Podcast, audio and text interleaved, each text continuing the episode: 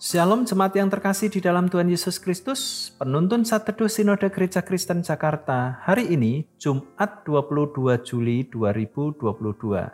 Manusia yang berguna. Filemon pasal 1 ayat yang ke-12 sampai 13.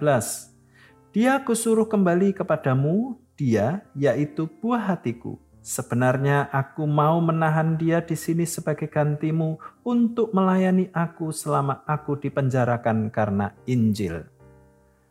Baju-baju tua yang sudah sobek dan warnanya pudar umumnya kita tidak lagi pakai. Sebagian kita simpan karena menyimpan kenangan, tetapi sebagian yang lain kita berikan orang lain atau mungkin dibuang. Ada juga yang menjahit kembali dan digunakan sebagai kain pembersih masih bisa berguna. Jika benda-benda tua ada yang masih bisa digunakan, apalagi yang masih baru dan berumur muda, demikian juga halnya dengan manusia, entah usia tua atau muda masih bisa berguna. Onesimus adalah budak yang melayani Filemon, tetapi suatu saat ia kabur dari tuannya dan mengembara jauh dari tuannya. Ada yang menafsirkan bahwa Onesimus memiliki masa lalu yang jelek. Ia pelayan yang tidak bertanggung jawab dan hidupnya tidak benar. Dalam pelariannya, ia bertobat dan bertemu dengan Paulus. Waktu itu Paulus sudah tua dan dipenjara. Onesimus yang masih muda membantu pelayanan Paulus. Ia seorang yang sangat berguna di dalam pelayanan pekerjaan Allah.